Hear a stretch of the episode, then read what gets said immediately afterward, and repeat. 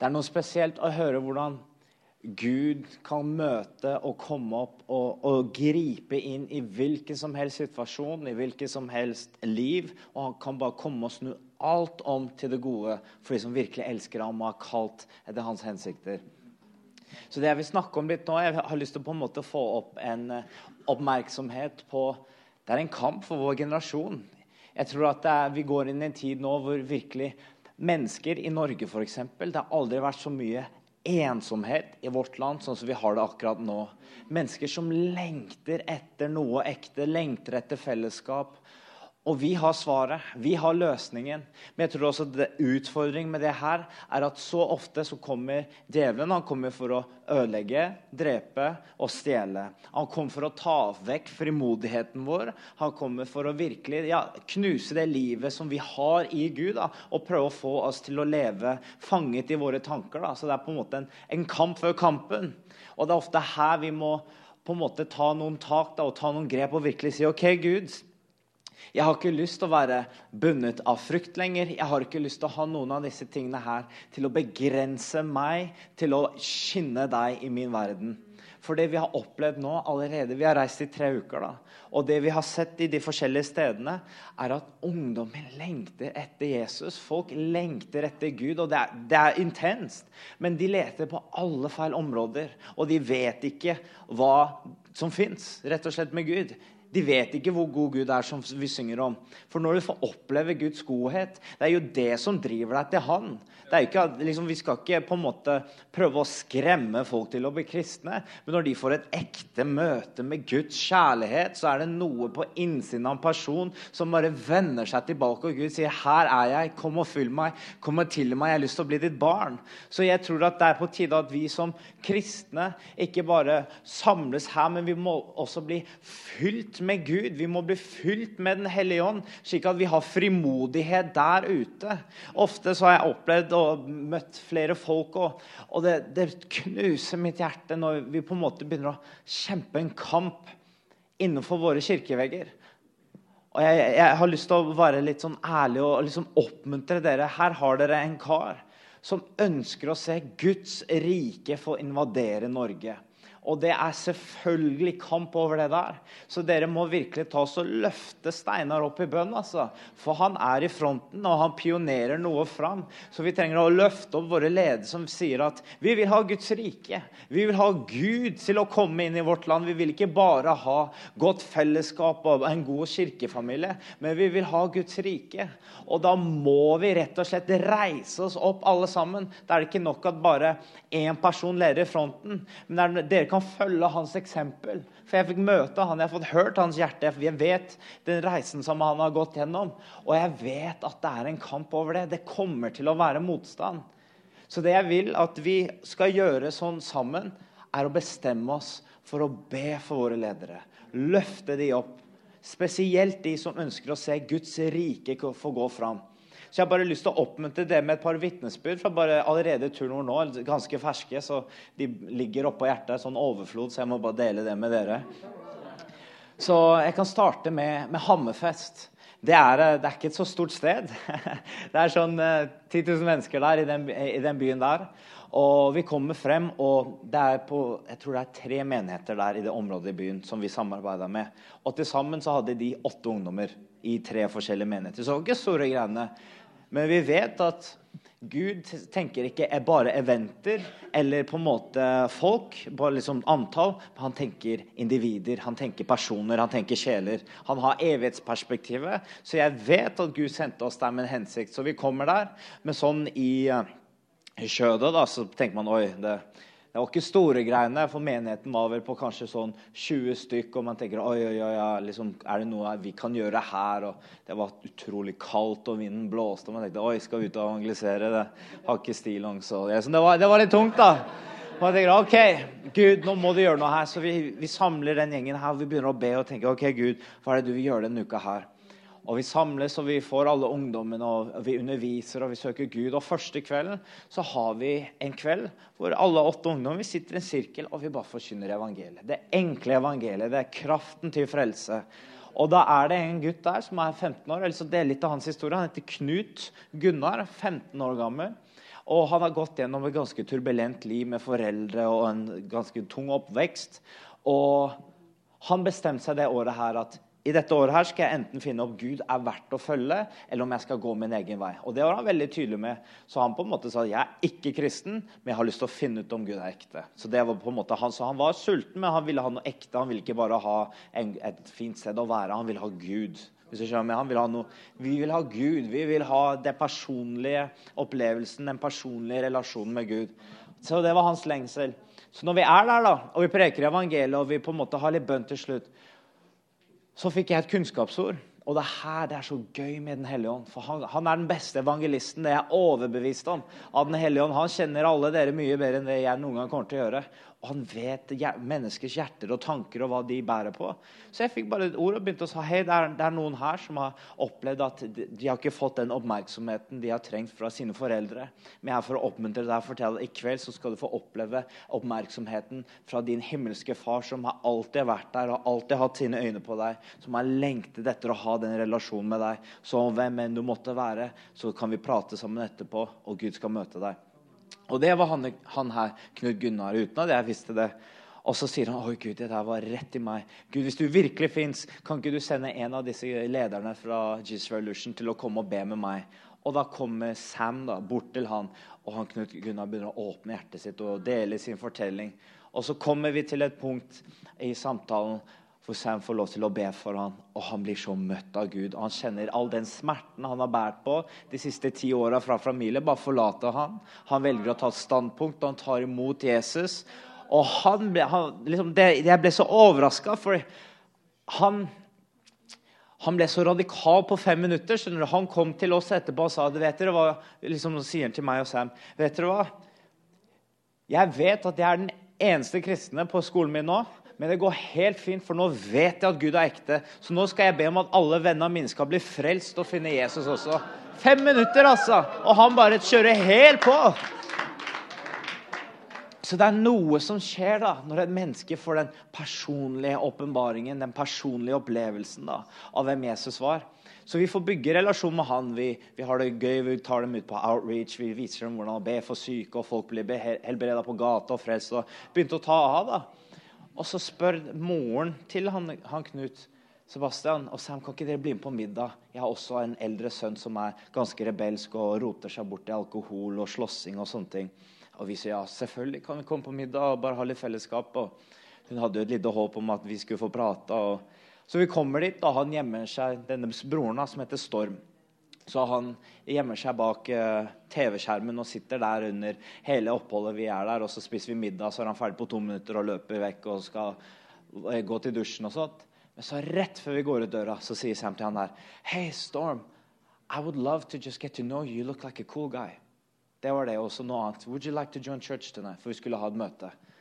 Og bare den setningen er å bli sett. Så hadde han, etter, at vi hadde dratt, så ringer moren meg 20 minutter etterpå og sier at nå har jeg snakket med sønnen min i 20 minutter, og han vurderer å gå til kirka på første gang på mange mange år. Nå må dere be om at han blir med meg i bilen, så skal vi få han til kirka. Og vi ble gira, og jeg og Sam vi begynner å be på rommet der, og så får jeg melding utenfor om to minutter. Skynd dere ut. For det, liksom, det liksom ble skikkelig strategisk og sånn. vet du.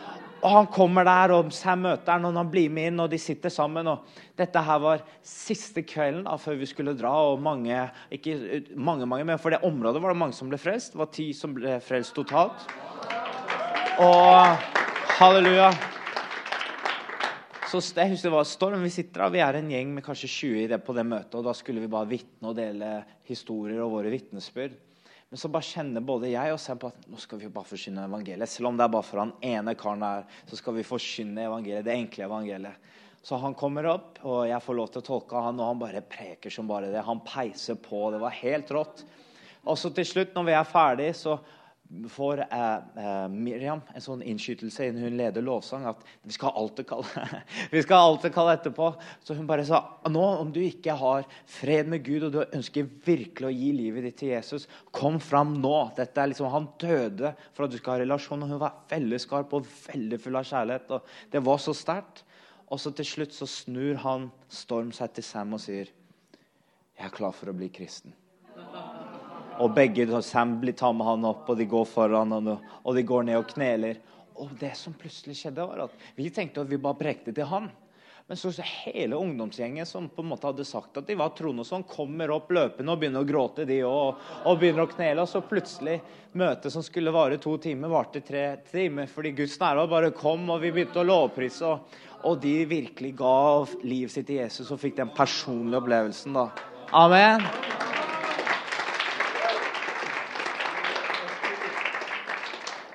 Så Gud, han, han møter opp. og jeg... Og, og vi må lære å på en måte se fra hans perspektiv. Og, og det har jeg lyst til å oppmøte det med Hold fokuset på Jesus.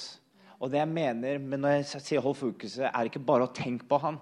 Men når vi klarer å se Han overfor våre omstendigheter, overfor de tingene som vi går gjennom, så plutselig så har vi øye på det som er mulig. For når vi ser på Han, og ikke på våre egen ferdigheter, og ikke det vi klarer å gjøre i egen kraft, så begynner vi å tenke OK, Gud, jeg ser på deg. Og når jeg ser på Han som kan gjøre det som er umulig, han kan gjøre hva som helst, så plutselig begynner de tingene der å manifestere seg. Og det var det som skjedde da vi tenkte Vi bare bestemte oss, Gud. Vi har ikke mange ungdommer, men du kan berøre de, og vi tror at alle de åtte ungdommene som fikk oppleve Jesus, kommer til å forvandle Hammerfest. Ikke fordi de bare valgte å bli med i kirka, men de fikk en personlig opplevelse med den levende Gud som forvandlet dem totalt. Og Det er det vi vil at mennesker skal få oppleve i vårt samfunn. Det er det vi vil at Bergen skal få oppleve. At mennesker skal ikke bare få høre om at det er kirker og sånn, men at de skal få oppleve Jesus. Og da tror jeg at mange mennesker kommer nok aldri til å sette foten inn i et kirkebygg. Men alle oss kommer til å gå ut dit. Og jeg har lyst til å snakke om det å være lydig til Den hellige ånd og leve et liv hvor man faktisk er åpen til Gud hele tida. Så jeg har lyst til å dele noen morsomme historier før jeg ble med i Jesus Revolution. For jeg, jeg, jeg, ble frelst i California, i Sacramento, i Jesus Culture, for tre år siden. Jeg var involvert i festing, røyking, hasj, solgte dop og banka opp folk. Og men Gud kom og, og møtte opp og redda livet mitt og dro meg ut av møkka. Og etter det der så bare ble det det overnaturlige, naturlige livet var så attraktivt. Jeg ville ha alt det som hadde med Gud. Så jeg gikk ut på gata, fikk opplæring og be for syke. Og det livet som jeg tror dere virkelig praktiserer her da, på, i, deres fellesskap og på bibelskolen deres, det var det livet der. da. Og jeg ble så avhengig. Og jeg ble bare åh, det her er det beste. Og, vi, og det bare virkelig berørte meg sånn på dypet. da. Og jeg innså at det her er jo for alle. Dette er jo ikke bare for noe som er hva skal jeg si, profesjonelle kristne. Liksom, jeg, ingen lærte meg at det her var for, for, liksom, Jeg lærte det i USA. Så når jeg kom og møtte på en måte mine kristne venner som jeg hadde for lenge lenge siden, de tenkte at du er blitt altfor radikal. du. Det, liksom, det, det, her er for mye. Liksom. Jeg visste ikke at det var unormalt i noen sammenhenger. Da. For, for når du får smake og får oppleve Gud da, og være lydig til Den hellige ånd, så skjer ting. Og jeg fikk, Mye av de kuleste, råeste tingene jeg har opplevd med Gud, har ikke vært når jeg har stått med mikrofon og forsynt evangeliet. Men det har vært når jeg har vært lydig med Den hellige ånd på skolen, på supermarkedet, hvor enn jeg måtte være. Så perioden før jeg ble med i Gis Revolution, så jobba jeg på Coop Extra. Og jeg satt i kassa der, og jeg var virkelig god. Jeg var rask, vet du, så folk likte kassa mi. Og de gjorde det. De kom alltid til meg etter.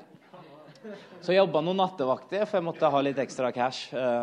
Av, jeg, ja, jeg vet ikke hvorfor jeg bare likte å ha litt cash. Ja, du, du vet hva jeg mener når du er siste året på videregående og du jobber og du skal videre i livet og du vil bare ha litt ekstra penger i hva enn som måtte skje. Og jeg ble jo misjonær, så jeg trengte masse penger da. Men det var en kveld hvor jeg på en måte stabler tingene i hyllene, og det er kjedelig, og folk kommer ikke på sånn 20 minutter, for det er lørdagskveld, og det går treigt. Men så kommer det alltid noen de siste fem minuttene. Du vet hva jeg snakker om. De, liksom, de skynder seg inn. Og dette var en dame da, som hadde vært akkurat ferdig med treningsstudio. Hun var sånn 50, ja, 50 år gammel. Og hun var utslitt, og hun gikk jo og skulle hente yten sin og, og liksom treningsdrikken og komme med banan, og går i kassa. Og før det så hadde jeg sagt til Gud for jeg, hadde, jeg kjeda meg, så jeg ba, ba, i tunger og bare gikk rundt der og priste Gud. Og så sa jeg Gud, ok, kan ikke du bare gi meg noe spesifikt enn den neste personen som kommer i kassa? Kan ikke du bruke meg her på jobben? Nå kjeder jeg meg på en lørdagskveld. Kom og bare møte opp på jobben. Og hun går i kassa, og så plutselig hører jeg mitt hjerte. Hun er en hestejente.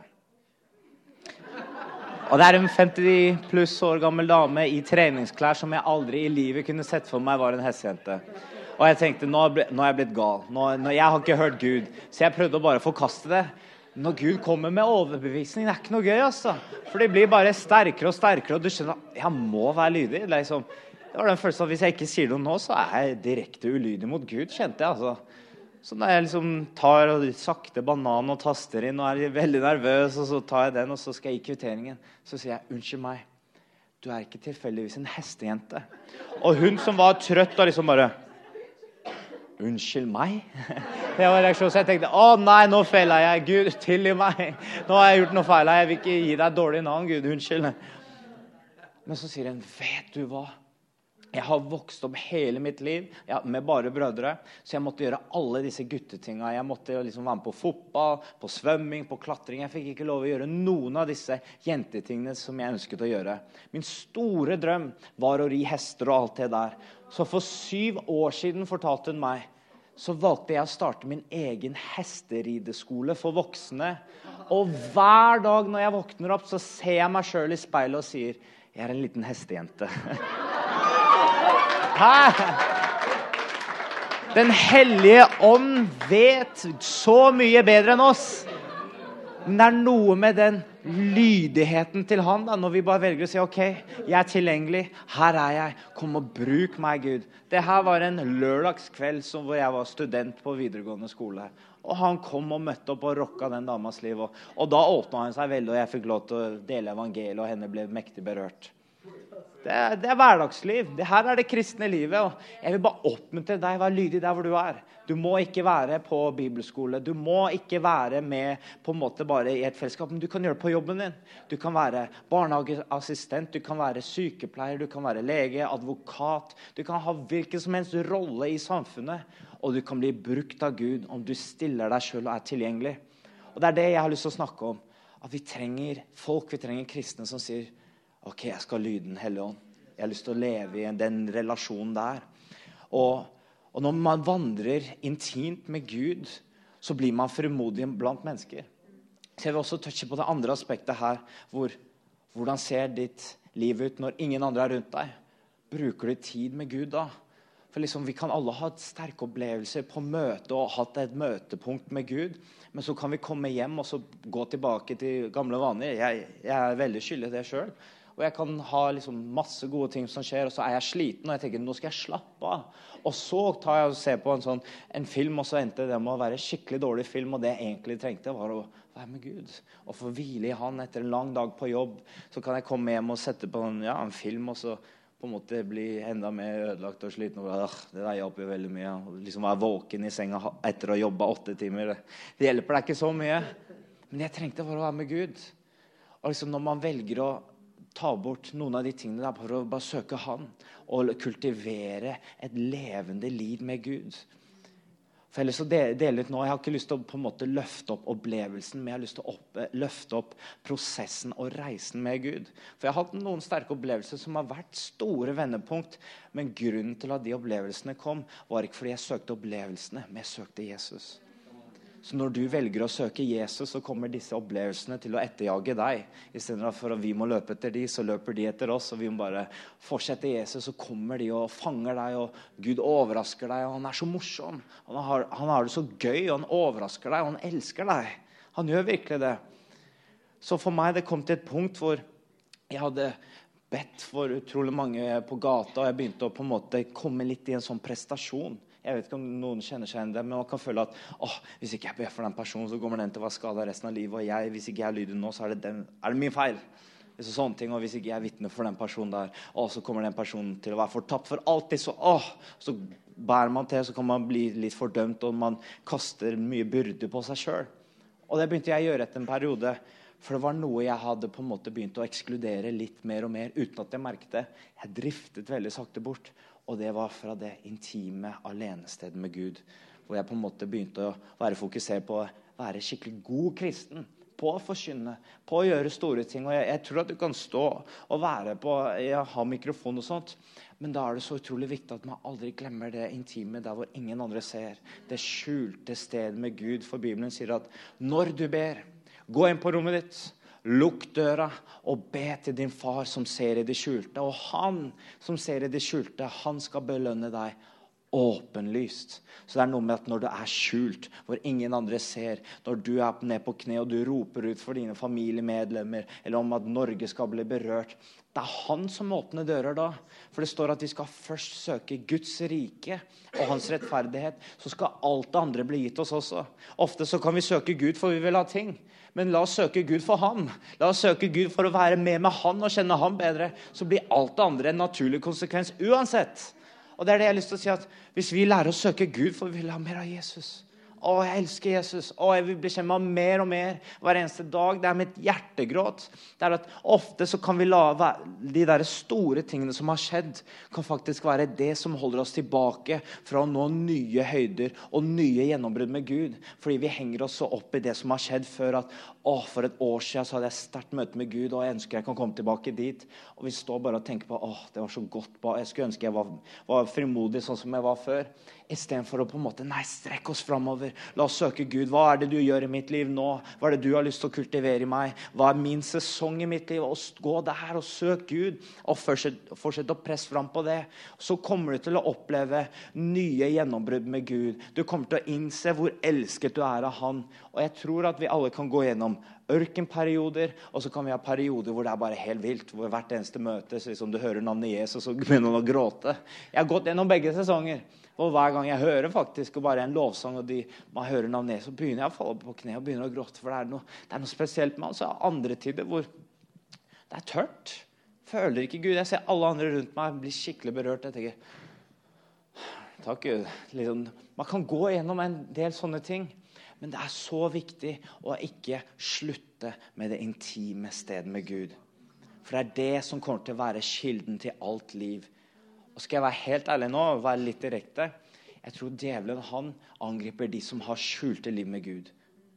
Det er lett å på en måte tenke at å, de som gjør store ting osv., liksom, ja, de, de, har så gode liv med Gud. Jeg tror det indre livet med Gud blir enda mer angrepet når du er faktisk på en plattform, når du er i en pionerfase, og ting begynner å skje, at da skal det komme så mye liksom, splittelse og sånne ting. Men hold deg nære til Gud. Hold deg nære til Jesus. Bevar hjertet ditt. Liksom, ha et rent hjerte. Det står at hvis vi har rene hjerter, så kan vi se Gud. Det er så lett å la liksom, bekymringer og la forskjellige ting i livet komme inn og snike seg inn sånne små rever som spiser av broten, som tar bort den gleden av å kjenne Gud. Og så plutselig begynner vi å gjøre alle de riktige tingene av helt feil motivasjon. Og det kan se helt likt ut. Du kan ha en som brenner med førstekjærligheten, og de er frimodige, og de kjører på. Det bare tar helt av. Så har du en som har vært i tjeneste eller har vært kristen mange mange år, og, og, de gjør akkurat det samme. Men motivasjonen deres kan være prestasjon. Motivasjonen deres kan være å, jeg må gjøre det for det er kristen. Jeg må bare utføre min ja, plikt som en kristen og vitne til noen. Og det kan se helt likt ut. Men motivasjonen for den personen er strømmende over med kjærlighet. Motivasjonen her er prestasjon. Så vi må alltid komme oss tilbake hit. Vi må bli i førstekjærligheten. Bibelen sier 'bli i meg, og jeg skal bli i dere'. Og det er noe når du blir i det stedet, og det ikke går. Det er så deilig. Oi, oi, oi. Da går prestasjonen vekk. Da går liksom, åh, den der usikkerheten og stresset bort. For det har ikke noe med deg å gjøre lenger. Da har det alt å gjøre med han. Så jo mer du er med han, jo mer kommer du til å manifestere han. I alt du gjør. På jobb, på skole, på, i familien din. Det er jeg overbevist om. Jeg har opplevd det så mange ganger. For jeg må fange meg sjøl i at Oi, nå ble jeg veldig eh, tjenestefokusert. Nå må jeg komme tilbake til det skjulte så tar jeg en time eller to og bare Å, Gud, jeg må bare være med deg. Vi må komme tilbake til det stedet. Jeg tror når et folk, et helt folk, ikke bare de som på en måte får talerstolen Når alle dere her tar bestemmelse i at jeg skal begynne å søke Gud. Jeg skal begynne å ta tilbake det livet som jeg kanskje en gang hadde før. Og komme tilbake og gjenopplive den første kjærligheten. For Jesus han døde ikke bare for at vi skulle ha en opplevelse en gang og gå gjennom en fin periode og ha et fellesskap. Nei, Han døde så vi kunne ha en levende relasjon med han hver eneste dag. Han sa det var ferdig. liksom Det forhenget har revnet, og det er fri inngang til å komme inn. Men da må vi velge å komme. Da Da må vi ta skritt og komme frimodig, selv om vi føler oss ræva eller om vi føler oss dårlige. Så kommer vi frimodig og sier, 'Gud, kom og fyll meg med din nåde. Nå trenger jeg deg mer enn noen gang.' Så når du føler at 'Å, jeg har ikke lyst til å søke Gud. Å, det er så mye vanskelige ting. Det er da du trenger å søke ham. Det er da du virkelig trenger å komme foran Guds ansikt og rope ut av hele ditt hjerte. For det er da du trenger gjennombrudd, ikke når du har trynet og det har gått skikkelig galt. Da trenger du å bli gjenoppretta. Men når du har det vanskelig og ting er skikkelig ille, og det, ting begynner å skje i ditt liv, i familie, i menigheten, på jobb eller hva det måtte være, da må du rope til Gud. Be om hans visdom, be om at han kommer med sin inngripen. For når vi får taket på ham, da forandrer alt seg. Så det jeg snakker om nå, er egentlig veldig enkelt. Men vi kan bli veldig profesjonelle kristne. La oss bare være sønner og døtre som vet at vår Far i himmelen elsker oss overalt på jord. Og så kommer livet vårt til å være, bære frukt i alle områder uansett. Amen. Amen. Halleluja. Oi, oi, oi. Kjenner Guds nærvær. Det er godt. Det er godt. La oss bare være litt med ham nå. La oss bare glemme at uh, må ikke være sånn satt opp preken. La oss bare søke han litt nå. Bare, han er her. Halleluja. Takk, Jesus. Å, vi søker deg, Herre. Kom og fyll oss, Herre. Ja. Mm. Gjenoppliv det, Herre, som har vært tørt lenge. Kom, Herre, med strømmer av levende vann på vårt indre, Herre. Kom, Hellige Ånd, og utøs Guds kjærlighet til våre hjerter. Å, forløs en hunger og en sult etter deg, Jesus. Og la oss ikke være tilfredsstilt med det vi har. La oss bli sultne. La oss bli sultne, folkens. Det er så mye mer. Det er så mye mer av Gud. Å, han har så mye mer for oss. La oss ikke bare sitte og, og, på en måte ha en liten greie og tenke oi, det var en god smakebit. Han har et hel middagsfest for oss. Om vi bare tar invitasjonen og sier 'Her er jeg. Slipp meg inn'. Å, Herre. Oi, oi, oi. Takk, Jesus. Takk, Jesus. Halleluja. Bibelen sier, 'Hvor mye mer skal ikke deres himmelske Far gi dere Den hellige ånd når dere ber ham?' Det er personlig. Det er så personlig. Han sier, 'Deres himmelske Far skal gi deg når du spør ham'. Så ofte så kan vi vente på at den riktige predikanten eller den riktige tjenesten kommer og skal legge hendene, og da kan du ha dypt liv med Gud. Nei, slutt å tulle! Bare spør ham sjøl. Kom og fyll meg, Gud. Kom og levendegjør mitt indre, så jeg ikke bare er en profesjonell kristen, men så jeg blir en levende kristen. At det på innsiden skal få gjenoppleve og ha kraft igjen. Det er dit vi må komme. Vi må komme til han sjøl. Det må være noe i ditt indre som sier 'Å, jeg, jeg, har lyst på det ekte vare'. Jeg må ha det indre liv med Gud, koste hva det koste vil. Paulus sier at 'jeg legger det som, er, liksom, jeg har fått opplevd, bak meg'. 'Jeg strekker meg framover mot det som er foran, slik at jeg kan få kjenne ham'. Kraften av hans oppstandelse. Ha fellesskapet sammen med hans lidelser, slik at vi kan virkelig bli mer og mer lik Jesus. Det er flere av dere som har gått gjennom utrolige vanskelige sesonger av smerte, av skuffelse, av fornærmelse.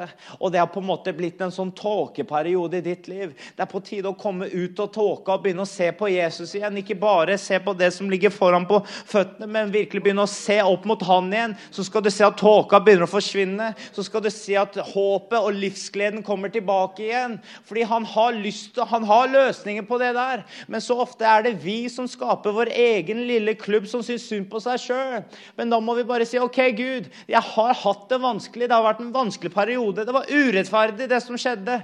Men du døde for all urettferdighet. Du tok alt det der på korset. Så kom og ta den byrden av mitt hjerte og gi meg din hvile og din fred. Og så kan du vandre sånn der uklanderlig selv i et sånt miljø hvor det er fullt av kaos, og folk gjør ting, og, og det kan være ting som feiler, og ingen er på en måte ordentlig, men så kan du vandre som et levende lys i et miljø hvor alt sammen faller sammen. Og folk tenker Hva er det som skjer med deg? Hvordan kan du fortsatt ha glede? Hvordan kan du fortsatt smile i en sånn sesong? Jo, fordi jeg har det levende håpet på Jesus. Han lever på innsiden. Det er ikke bare en god teori lenger. Det blir en livsglede. Det er en relasjon med den levende Gud. Det er det vi må ha. Det er det vi må ha. Kom deg ut av tåka. Begynn å se til Han. Begynn å søke Ham igjen. Jeg er overbevist om at en del folk her nå kommer til å komme igjen, og du kommer til å gå inn på ditt soverom og du kommer til å si OK, Gud. Du talte til meg til møtet her. ok, La oss gjøre noen forandringer. Og den, De neste to månedene nå nå taler jeg direkte til deg, så du kan gi meg feedback på senere om det, det her er for deg om de neste to månedene kommer til å være de beste månedene du har hatt i ditt liv med Gud, fordi du kommer deg ut av tåka og du tar et standpunkt og sier ok, jeg har ikke lyst til å være lenger der. Og du kommer til å se så tydelig igjen. Du kommer til å begynne å høre Gud igjen. Du kommer til å se det han ser, og du kommer til å få visjoner. De drømmene dine kommer til å bli gjenopprettet. Livsgleden kommer til å bli gjenopprettet, og du kommer til å vandre tett med Gud igjen. Så kom deg ut av tåka. Begynn å søke han sjøl. Begynn å søke Gud. For vi vil jo ha vekkelse, vi vil ha livet. Så jeg er så for at vi går ut og gjør alt det fantastiske med helbredelser og vitner. Men hvis ikke du har det indre livet First things first. Vi må kjenne ham. For når vi kjenner ham, så kjenner vi mennesker slik han kjenner de andre. Og vi begynner å se mennesker slik han ser dem. Og da, vi ikke, da har vi ikke prestasjon på oss lenger, men da har vi medlidenhet. Vi har Guds kjærlighet som driver oss. Og det er den kjærligheten der som driver ut frykt. Det er når vi kjenner hans kjærlighet at vi blir frimodige blant mennesker. Så du må lære å bli frimodig foran Gud igjen. Og ikke bare akseptere alt sånn som det er lenger. Ikke bare tenk at det her var urettferdig. kanskje Jeg må bare lære å være lydig og underordne meg og bare gå gjennom en tung periode og synes synd på deg selv. Nei. Vær frimodig foran Gud. Ikke aksepter alt som skjer rundt deg, men ta det til Gud og begynn å rope til Han om visdom. Selv om det kanskje ser ut som det er helt håpløst, så har han løsninger. Han har svarene på det du lengter etter. Men da må du ta og velge å gå ut av denne tåka. Det er en fantastisk salme. Vi, vi, kan lese den sammen, og så bare begynner vi å, å, gå og be, og så skal vi gjøre noen fantastiske ting her til slutt. Du har hørt den her før. Den er en av de mest populære bibelversene. Men her står det i Salme 23.: Herren er min hyrde. Jeg mangler ingenting. Han lar meg ligge i grønne enger. Han leder meg til hvilens vann. Han fornyer min sjel. Han leder meg på rettferdighetens stier for sitt navns skyld. Ja, selv om jeg må vandre gjennom dødsskyggens dal, da frykter jeg ikke for noe ondt, for du er med meg, din kjepp og din stav, de trøster meg. Du dekker bord for meg rett foran mine fiender. Du salver mitt hode med olje, og mitt beger flyter over. Ja, sannelig bare godhet og miskunnhet skal etterjage meg alle mitt livs dager, og jeg skal bo i Herrens hus til evig tid. Amen. Så hva er det David fikk oppleve og forsto her når han skrev det? Jo, han forsto flere ting, og jeg kan touche på et par av dem. Det første var at han innså at han ikke skulle bare campe i denne dødsskyggens dal, men han skjønte at jeg må gjennom dem. Og selv om jeg skal gå gjennom denne dalen, så vet jeg at du er med meg. Og det her, nå skal du høre noe utrolig spennende. Han sa min kjepp og din stav, den, det som en hyrde har, det trøster meg. Jo, for trøste det han. Før i tida, hvis vi går til den tiden hvor du hadde hyrder, så ville de skjære et kutt på den staven hver gang de fikk oppleve at Gud reddet dem fra ulv, fra bjørn, fra forskjellige ting. Så ville de kutte et merke på den staven. Så hver gang de gikk inn i en ny, vanskelig sesong hvor de måtte gå gjennom en dødsskyggens dag, så så de på den staven, og de så Gud, du var trofast da, du var trofast da, du sviktet meg ikke da, du reddet meg ut av det her, og du kommer til å få meg gjennom denne gangen her. Og de ble minnet på Guds trofasthet selv om de måtte gå gjennom gjennom dødsskyggens dal. Og så står det at han dekker på bord. Midt i en kamp så sier Gud, 'Kom og vær med meg'. Det er invitasjon midt i en kamp, midt når alt skal være kaos rundt deg, så sier Gud, 'Kom og spis med meg'. Kom og ha fellesskap med meg. Det er så uvanlig, og det er så liksom, antikulturelt i vårt samfunn at når vi er krig og alt skjer, da skal vi gi alt med her, sier, sier Guds ord at han dekker på bord foran mine fiender. Og han salver deg, og han er med deg. Han inviterer deg til fellesskap, til intimitet, i midten av kaoset. Amen. Og så står det Sannelig, bare godhet og miskunnhet skal etterjage meg alle mitt livs dager, og jeg skal bo i Herrens hus til evig tid. Amen.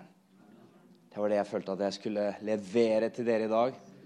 Så jeg tenker, Kan ikke jeg bare få be for dere? Kan ikke vi alle reise oss opp, og så bare avslutter vi med litt bønn her før jeg gir mikrofonen videre til Steinar?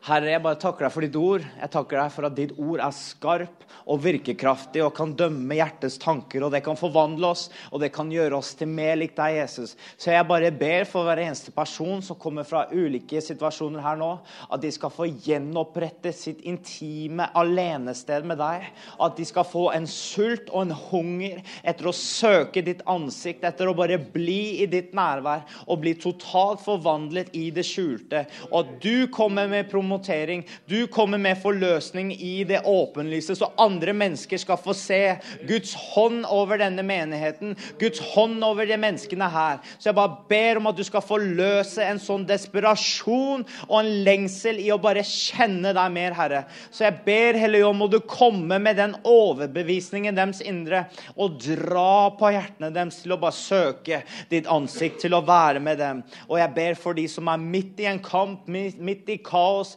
midt i forskjellige ting, at de skal få komme seg ut av tåka og få begynne å se på deg. Og vi taler at de neste to månedene skal være de beste månedene de noen gang har hatt. Så vi bare Jeg taler det ut i tro nå, i Jesu navn. Og jeg bare takker deg, og jeg velsigner denne menigheten og lederskapet som står og kjemper i fronten. Og jeg bare ber om din beskyttelse over deres hjerter og deres tanker, om at de neste fem årene i denne menigheten skal de få se multiplikasjon, at de de skal få se gjennombrudd. De skal få se hundrevis på tusenvis av mennesker bli berørt på gatene, helbredet. Og ryktet skal gå rundt i Bergen at Gud er med sitt folk. Og jeg ber om at de skal få være i fronten på å bringe en ny tid i Norge og en vekkelse for Jesus. I Jesu navn. Amen.